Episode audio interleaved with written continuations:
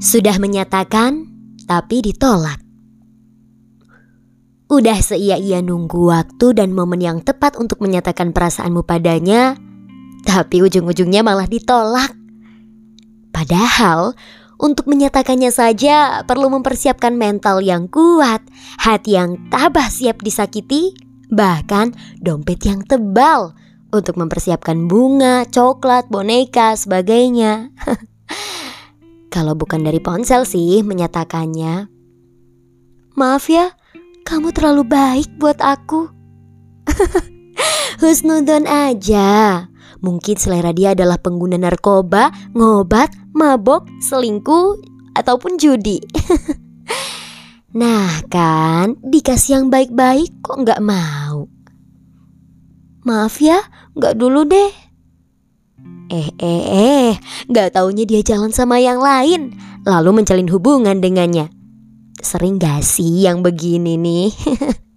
ya sering lah, masa enggak? Husnudon aja. Mungkin dia penggemar setianya Dilan. Aku gak mau pacaran dulu sekarang. Gak tahu kalau sore. Sorenya dia jalan sama yang lain. Bisa jadi gak sih? Waduh. Maaf ya, motor kamu beat. Ya, gimana tuh? Ingat, husnuzon. Harus banget husnuzon ya. Mungkin dia nggak mau naik motor beat karena dia maunya jalan kaki. Nggak mau naik motor biar bisa lebih lama gitu sama kamu jalan-jalannya. bisa jadi kan kayak gitu. Terus kamu protes. Gak masuk akal. Motor beat aja nggak mau, apalagi jalan kaki. Bercanda. Cukup deh, maaf ya nggak jelas. Mau ngelawak tapi nggak lucu. Oke oke, kita mulai serius ya. Ketika kita menyatakan perasaan kita pada seseorang yang udah kita tahan-tahan nih cukup lama, apakah dia teman, sahabat kita, partner kerja kita, lalu ditolak? Iya pasti ada perasaan kecewa dan sakit kan? Bahkan rasa sakit itu bisa membekas cukup lama. Di hari-hari sebelumnya, kamu sangat dekat dengannya, hingga sering memberikan beberapa perhatian manis padanya. Dan parahnya adalah dia merespons perhatianmu.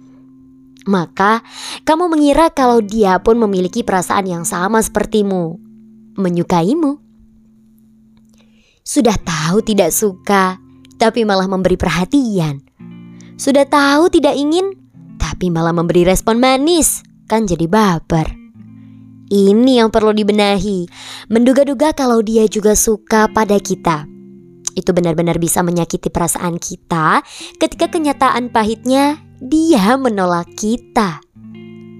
Dia memberi perhatian balik padamu, mungkin aja memang begitulah sikapnya.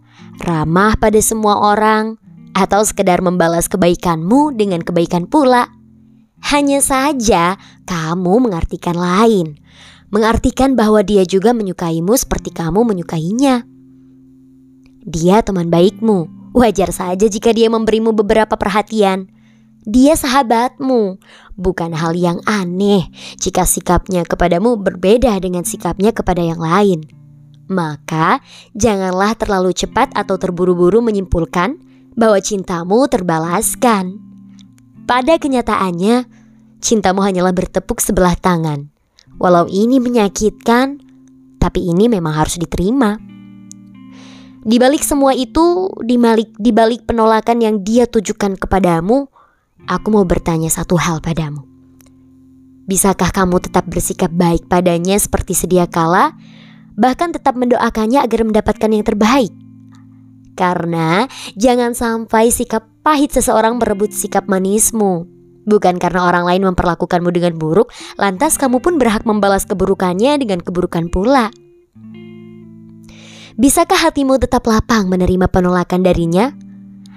Karena cinta yang sebenar-benarnya cinta tidak akan berubah menjadi benci hanya lantaran menerima penolakan.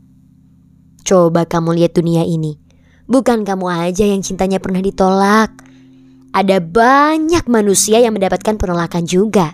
Tapi pada akhirnya dia mendapatkan orang yang terbaik dari yang menolaknya sebelumnya dan bisa tetap happy. Coba lihatlah, di dunia ini bukan hanya ada dia dan kamu saja. Ada banyak manusia yang lain yang jauh lebih baik dari dia. Ada banyak orang yang lebih bisa menerimamu apa pun keadaanmu, bagaimanapun masa lalumu. Ada banyak orang yang lebih indah, lebih cantik, lebih tampan, lebih soleh atau soleha, lebih paham agamanya, lebih bagus akhlaknya. Ada banyak orang-orang yang bisa menerimamu. Lalu, mengapa dirimu hanya terpusat pada satu orang yang menolakmu? Kalau pikiranmu terus-menerus terpusat pada penolakannya, Lambat laun hal ini bisa menyebabkan hilangnya rasa percaya dirimu, bahkan menganggap tidak ada lagi yang mau menerimamu. Memang belum waktunya kamu bertemu dengan seorang itu. Kamu masih perlu bersabar. Karena mutiara yang indah perlu waktu untuk menciptakannya. Kamu bisa saja mengajak orang secara random di jalanan atau ya siapa saja yang kamu temui, ajak untuk menjalin hubungan denganmu. Tapi kamu gak akan melakukan itu kan? Kamu mau seseorang yang terbaik, yang sempurna, yang tepat denganmu. Karena itu, bersabarlah. Perlu waktu untuk menyiapkannya. Selagi bersabar, alangkah baiknya mempersiapkan dirimu juga dengan terus memperbaiki hubunganmu dengan penciptamu. Mendoakan orang-orang yang menolakmu, memaafkan mereka, dan terus menambah kualitas dirimu. Hingga akhirnya Allah mendatangkan seseorang yang tepat untukmu yang kamu mencintainya dan dia pun mencintaimu. Kamu dan dia saling menerima kekurangan satu sama lain. Atau jika memang dia orangnya yang menolakmu dahulu yang akan menjadi pasanganmu kelak, sangat mudah bagi Allah untuk menyatukanmu dengannya. Biiznillah, dengan izin Allah, semua bisa terjadi. thank you